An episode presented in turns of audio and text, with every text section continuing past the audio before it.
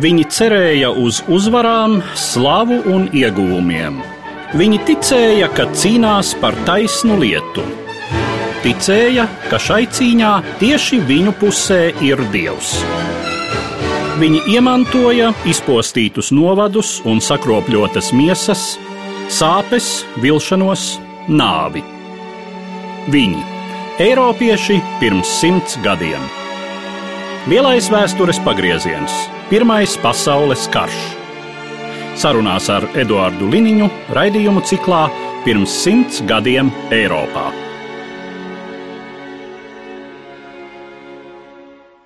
Labdien, cienījamie klausītāji! 1918. gada 11. novembrī pulksten 5 no rīta pēc Rietumē Eiropas laika dzelzceļa vagonā, kas tobrīd atradās Kompjēņas mežā, apmēram 60 km uz ziemeļiem no Parīzes, Vācijas impērijas delegācija parakstīja pamiera līgumu, atzīstot savas valsts sakāvi Pirmajā pasaules karā. Pamieram bija jāstājas spēkā sešas stundas vēlāk, jeb, kā bija teikts tekstā, 11. mēneša 11. dienā pulksten 11. Vācijas sabiedrotie šajā karā - Austro-Ungārija, Osmaņu impērija un Bulgārija bija izstājušās no kara darbības jau agrāk. Līdz ar to noslēdzās globālais militārais konflikts, kas bija sācies četrus gadus un trīs ar pusi mēnešus iepriekš, izvērties par vēl nepieredzēti postošu kara darbību, kas teju visos aspektos izmainīja Eiropiešu dzīvi, radīja citādu spēku līdzsvaru pasaulē, sagrāva vairākas impērijas, Austrum Eiropā radot vietu jaunu nacionālu valstu, taiskaitā Latvijas tapšanai. Šodien no šī brīža mūs tātad šķir simt simts gadi. Šī gada oktobra nogalē es apmeklēju Eiropas vēstures namu Briselē. Tas ir Eiropas parlamenta izveidots muzejs, kas atspoguļo tos būtiskos procesus, kuri veidojuši mūsu pasaules daļu tādu, kādu to pazīstam šodien. Muzeja ekspozīcijas pamatu veido priekšmeti, kurus tam deponējuši muzeji visā Eiropā, lai gan šobrīd Eiropas vēstures nams vāc arī pats savu krājumu, kas pamatā fiksē pašreizējos sociālos un politiskos procesus, bet arī atmiņas par mūsu pasaules daļas pagātni. Ar muzeja pastāvīgo ekspozīciju mani iepazīstināja Eiropas vēstures nama radošā direktore, slovēņu izcelsmes vēsturniece Tāja Vovka Van Gāla.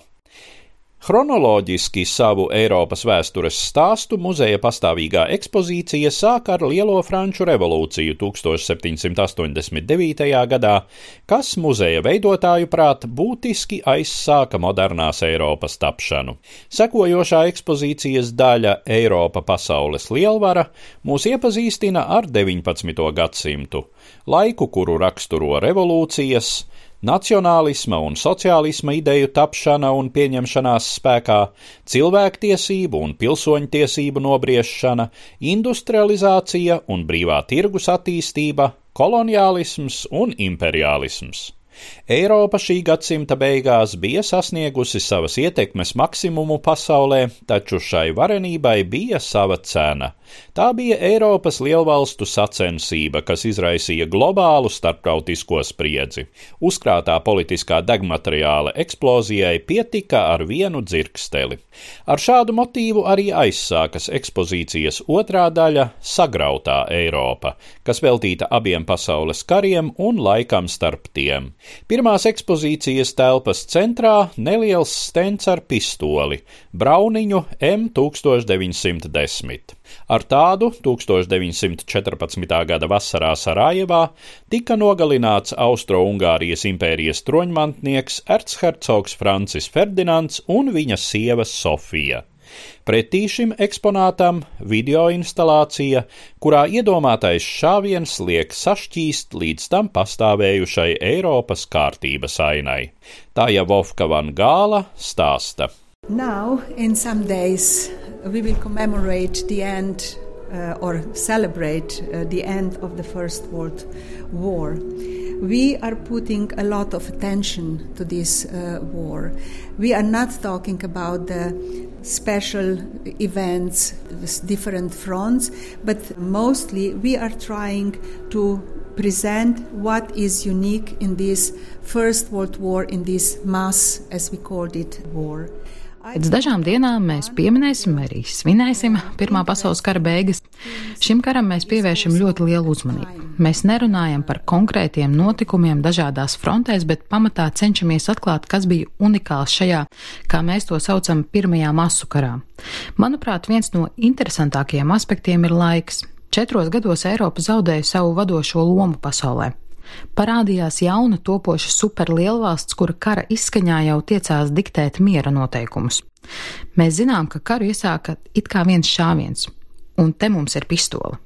Tā nav tā pistola no Sarajevas, bet jūs redzat, tas ir ļoti simboliski. Visi spriedzes momenti, kas uzkrājās vairāku desmitgažu laikā, sāka it kā šķetināties šai asinsspirtī, kuru iekūra viens šāviens Sarajevā 1914. gada 28. jūnijā. Tālāk dodamies cauri ekspozīcijai, kas atspoguļo Pirmā pasaules kara būtiskās iezīmes. Palielā stendā aplūkojami vairāki desmiti pastkaršu, daudzās redzami dažādu karojošo valstu militāri patriotiskās propagandas motīvi. Citā stendā fotomontāža. Vienā grupā šeit pulcēti daudzu šī kara armiju karavīri. Te ir nevien dažādu tautību, bet arī dažādu rasu piederīgie. Stendā aplūkojamas arī attiecīgas piemiņas lietas. Tāja Vovka van Gāla pievērš manu uzmanību vienam no šiem priekšmetiem - antikvāram sējumam ar uzrakstu Svētie raksti vācu valodā, kura sānā iestrēgusi šķautņaina tērauda šķemba. So we have the postcards, these ensembles, to present in a way the spread of war behind the Europe is more graphic, but you can also see how the postcards were used as a kind of the main messages written from the fronts uh, and the motives which all fighting sides uh, used. Šīs paskartes savā veidā parāda kara izvēršanos. Fonā ir redzama Eiropas karte, un jūs varat redzēt, ka tieši paskartes bija galvenās vēstītājas par notikumiem frontēs un ka visas karojušās puses lietoja līdzīgus motīvus. Mums kā muzejam šobrīd varbūt vēl nav tik daudz personisku šī kara stāstu, cik gribētos, un mēs turpinām papildināt savu krājumu, bet šeit mēs gribam parādīt, ka tas tiešām bija pasaules karš, kurā uz Eiropas zemes cīnījās karēvi no daudziem kontinentiem, no Eiropas kolonijām. Man personiski viens no iespaidīgākajiem stāstiem ir tas, kurš saistās ar šo grāmatu. Tā ir bībele, kura piederēja šim vācu karavīram. Viņš atradās tranšējā un acīm redzot gulēja palicis bībele pagalvī. Tranšējā trāpīja šāviņš, un vairāk viņa biedri tika nogalināti vai ievainoti, bet uzlūkojot šo bībeli, jūs redzat, ka tajā ir iestrēdzis šrapnelis. Tā viņš palika neskarts. Mums ļoti paveicās, ka mēs ieguvām šo bībeli no viņa ģimenes, kurai tā, protams, bija īsta relikvija. Var pieminēt, ka mums ir turpat tūkstotis priekšmetu no teju visām Eiropas valstīm. Vairāk nekā 200 nacionālie, reģionālie pilsētu un novadu muzeji mums deponēja savu krājumu priekšmetus, lai veidotu šo kopīgo Eiropas narratīvu. So The first time the gas was used, it was really uh, engagement of the behind the lines population. Although it was still the trenches, the soldiers were fighting, but the civilians got engaged. Šeit ir ļoti daudz vēstījumu. Pirmo reizi tika lietota gāze, kara darbībā tika iesaistīti aizmugurē dzīvojošie. Protams, karoja karavīri tranšējās, taču arī civilisti tika ierauti kara procesā. Sievietes ieņēma vietas rūpnīcās un citos dienestos, aizstājot vīriešus. Aizmugurē nonāca miljoni ievainoto, un kas bija jauns šim karam, ļoti daudz karavīru ar posttraumatisko sindromu, ar psihiskām saslimšanām. Tas bija jauns izaicinājums tā laika medicīnai. Apceļojot Eiropu, mēs nevaram nepamanīt daudzās kapsētas un pieminekļus nezināmajiem karavīriem. Tas arī ir Pirmā pasaules kara fenomens, un mums jāglabā šo bojā gājušo miljonu piemiņu. Turpinājumā mana saruna ar Eiropas vēstures nama radošo direktori Tāju Vovku Van Gālu pēc ekspozīcijas apskates. Mans pirmais jautājums - cik tomēr neizbēgams bija Pirmais pasaules karš, vai laikmets, kuru tas izbeidza, kas reizēm tiek saukts par Belle Epoque, daļo laikmetu, vai tas bija nolemts beigties ar šādu katastrofu? Well, I, I think that that would be already a part of speculation, and I'm a historian. For me, it's very hard uh, to say, but uh, in uh, observing the movements and the relations between different states, including, of course, the newcomers, and somehow the, the fight for the colonies, which, of course, at that time brought a lot of benefits to Europe. I think that obviously it was doomed to end like that. Es domāju, ka tas jau pieder pie spekulāciju jums, un es esmu vēsturniece. Man ir ļoti grūti atbildēt, bet uzlūkojot attiecības un aktivitātes dažādu valstu starpā, nesen izveidojušās valstis cīņu par kolonijām, no kurām Eiropa tolai guva lielu labumu, es domāju, ka acīm redzot šis laikmets bija lēmts tādām beigām. Es varu tikai teikt, ka varbūt tas ir skumji, bet no otras puses tam vajadzētu kalpot par brīdinājumu no ļoti tuvredzīgas rīcības un lietu neskatīšanas kontekstā, arī no vislielākā mēroga alkatības. Varbūt tas ir mazliet vienkāršot teikts, bet ja no vienas puses mums ir šīs daudzās zaudētās dzīvības, daudzas sarautas saites, un otrā tā Pandoras lāde ar jaunām problēmām, kuras eskalēja laikā pēc Pirmā pasaules kara un gal galā noved pie Otrā pasaules kara, tad kā cilvēciska būtne es varu teikt, Es varu tikai nožēlot to atkārtoto nelaimīgo lēkšanas uz galvas ūdenī, kas ir iespējams daļa no cilvēka dabas, bet pilnīgi noteikti daļa no mūsu vēstures. Runājot par kara beigām, mēs varam diezgan viegli iztēloties zaudētāju izjūtas, bet kā bija ar uzvarētājiem? Cik rūkta viņiem bija šī uzvara? Probably that is very hard really explicitly talked about the winners if we have in mind the loss of everybody Iespējams, ir vispār ļoti grūti runāt par uzvarētājiem, ja atceramies, kādi zaudējumi bija visām pusēm, kas izpaudās visdažādākajās jomās. Es domāju, ka galvenais zaudējums, kas varbūt netika, bet ko vajadzēja novērtēt, bija zaudētās jaunās paaudzes. No otras puses, mēs varam redzēt, cik īsredzīga bija politika sevišķi kara noslēguma brīdī. Šodien mēs varam to atklāti atzīt. Zaudētāji tobrīd tika sodīti tik nesaudzīgi, ka ik viens racionāli domājošais varēja droši paredzēt, ka tas izraisīs pretestības garu, dziļu netaisnības izjūtu un vēlmi atriepties.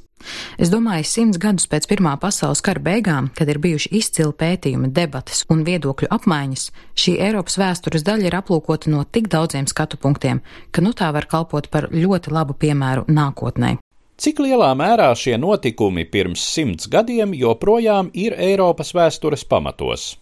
In uh, our permanent exhibition, we have tried somehow to connect these events not only chronologically but also uh, from the point of view of uh, let's say of reflection and of the uh, choices which were made through the 20th century uh, history Mūsu pastāvīgajā ekspozīcijā mēs esam centušies kaut kā sasaistīt šos notikumus ne tikai chronoloģiski, bet arī no refleksijas un 20. gadsimta gaitā izdarīto izvēļu viedokļa. Varbūt reizums te uznirst arī kāda līdzība ar pagātnes situāciju, bet es teiktu, ka ir arī ļoti atkarīgs no izglītības, no ģimeņu atmiņu vēstures, no pagātnes pieredzes, kas ļoti bieži neapzināti var atstāt savu nospiedumu dažādās reakcijās. Es varu piesaukt kā piemēru savu saskarsmi, apspriežot Pirmā pasaules kara noslēgumu. Dažādās valstīs viedokļi ir ļoti atšķirīgi, sevišķi, ja ir runa par iegūtām vai zaudētām pēdiņās impērijām.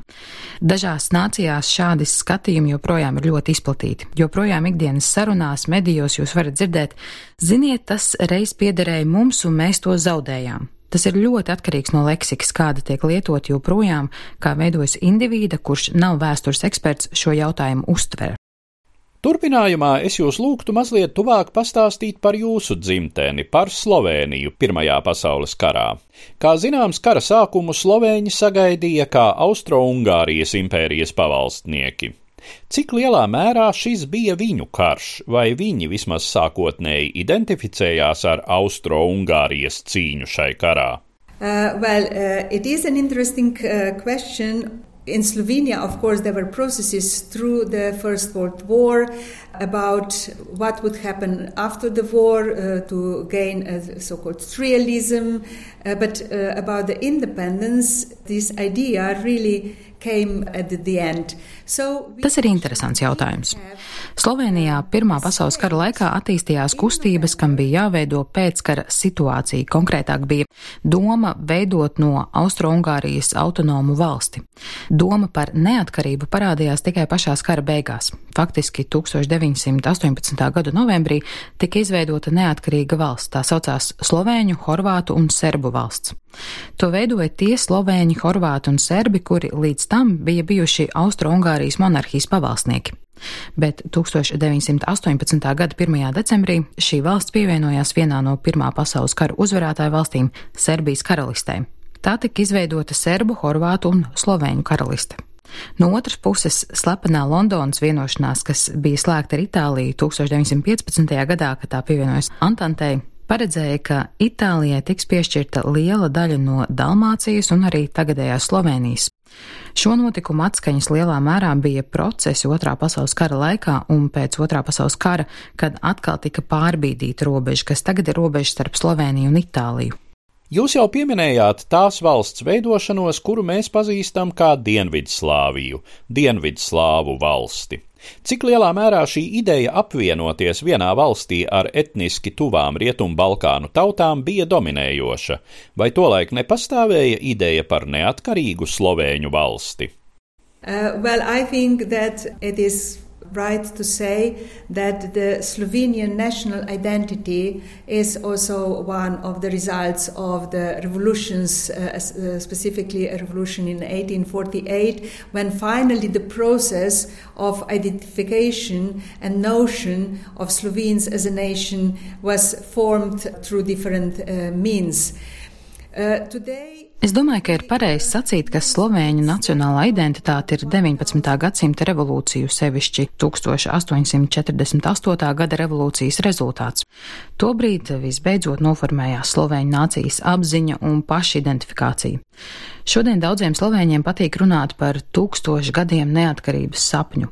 Protams, vēsturniekiem uz to ir ļoti atšķirīgs skatījums. Tas, ko es varu piesaukt, ir vēlme pēc izstāšanās no Dienvidslāvijas sastāva un patiesas neatkarības īsti pieauga pagājušā gadsimta 80. gadu nogalē. Tad šī doma pārņēma lielāko sabiedrības daļu. Iemesli, protams, bija ļoti atšķirīgi. Šodien, es domāju, mēs esam pieņēmuši faktu, ka esam neatkarīgi, tātad arī atbildīgi par mūsu valsti un arī mūsu attiecībām ar mūsu kaimiņiem. Es pati uzskatu, ka agrākā atrašanās vienā valstī nenozīmē, ka mums nevar būt lieliskas attiecības ar mūsu kaimiņiem visdažādākajās jomās. Tomēr, ja runājam par laiku Pirmā pasaules kara beigās, tad tas arī lielā mērā bija jūsu pieminētā 19. gadsimta romantisma perioda mantojums, kas lika tik ļoti akcentēt etniskās saiknes. Un tā nu pamatojoties etniskajā līdzībā, ko pirmām kārtām reprezentēja valodu līdzība, veidojās tādas valstis kā Dienvidslāvija un Čehoslovākija, taču, kā vēlāk izrādījās, valodiskā kopība nebija gluži tas pats, kas kultūrālā un politiskā kopība. It is very hard to go deeper into all backgrounds, but uh, yes, this idea of South Slavs and the Slavs in general being connected, having the same roots, of course, is a product of the 19th century.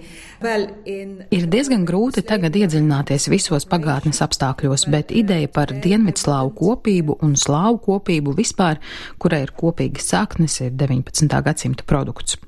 Bijušajā Dienvidslāvijā mums bija kopīga serbu horvātu valoda. Šodien es neuzdrīkstētos teikt, ka es runāju horvātu valodā, jo tā ir mainījusies.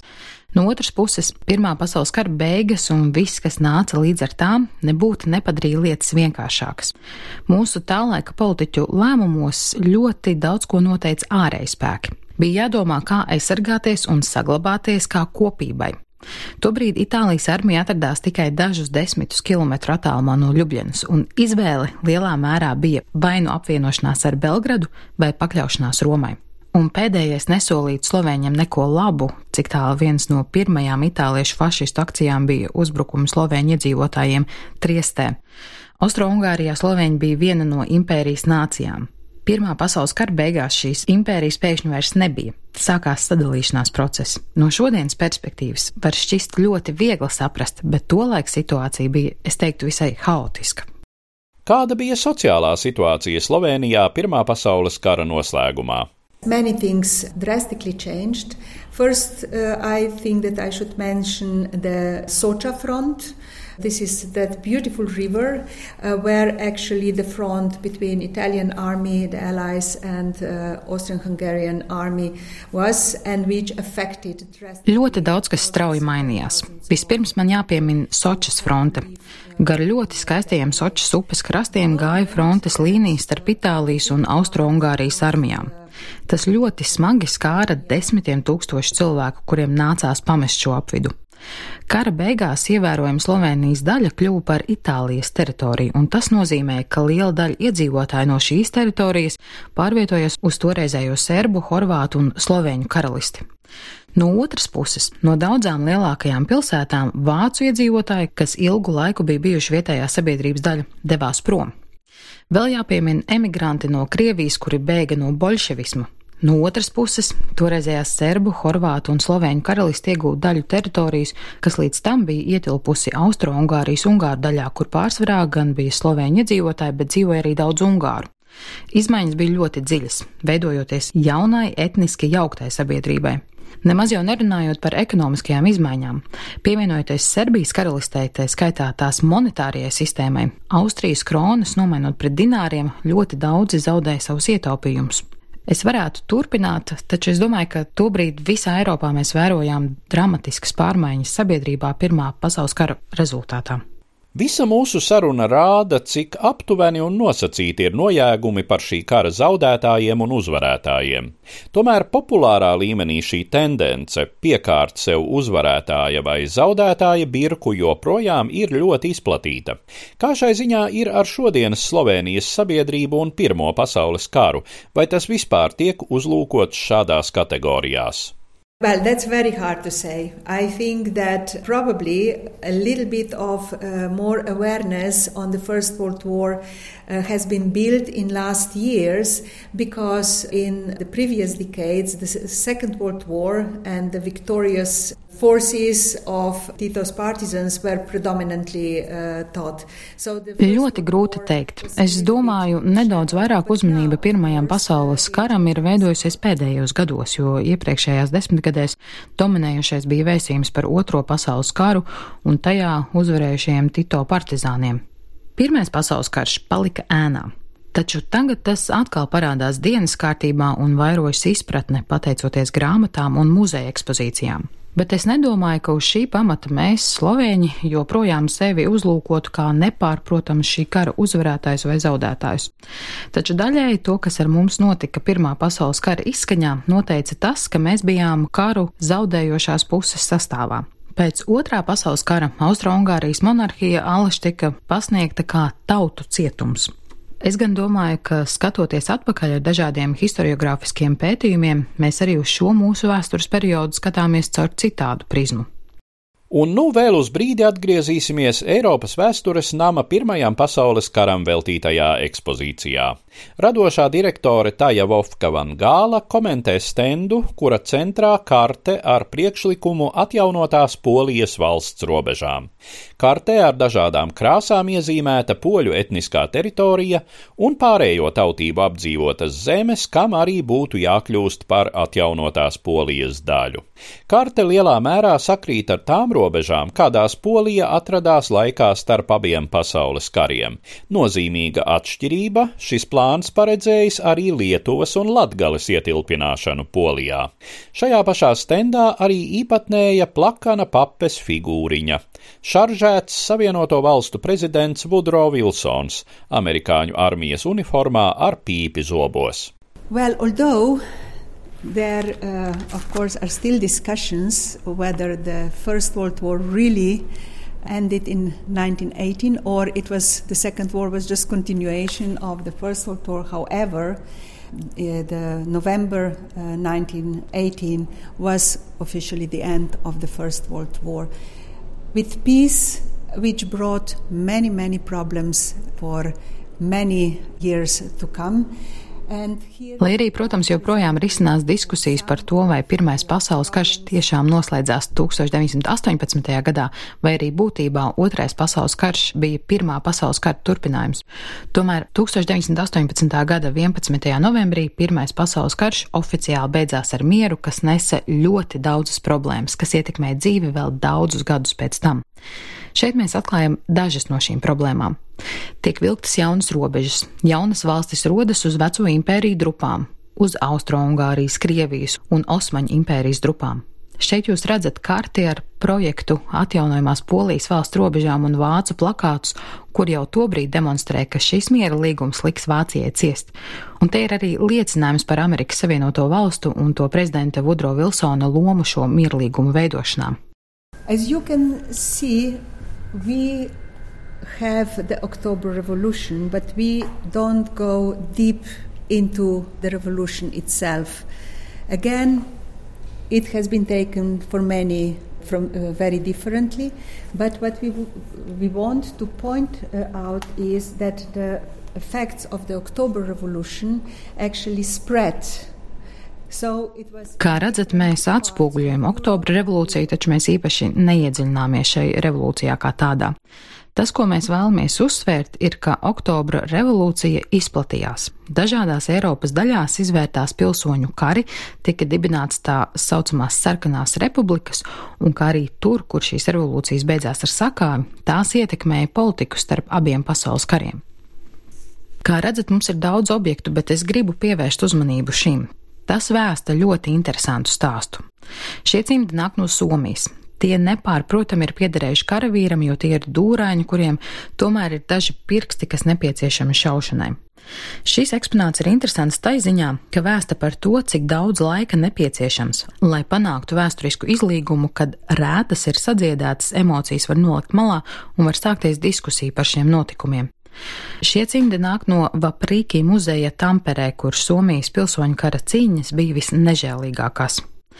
Kādreizējais muzeja direktors bija iegūšo eksponātu kaujas laikā, un pagāja 90 gadi, pirms šie cimdi tika izstādīti, un vietējā sabiedrībā sākās atklāta diskusija par tā laika notikumiem. Es domāju, daudzām valstīm, kas gājuši cauri vairāk vai mazāk līdzīgai pieredzē, tas ir brīdinājums.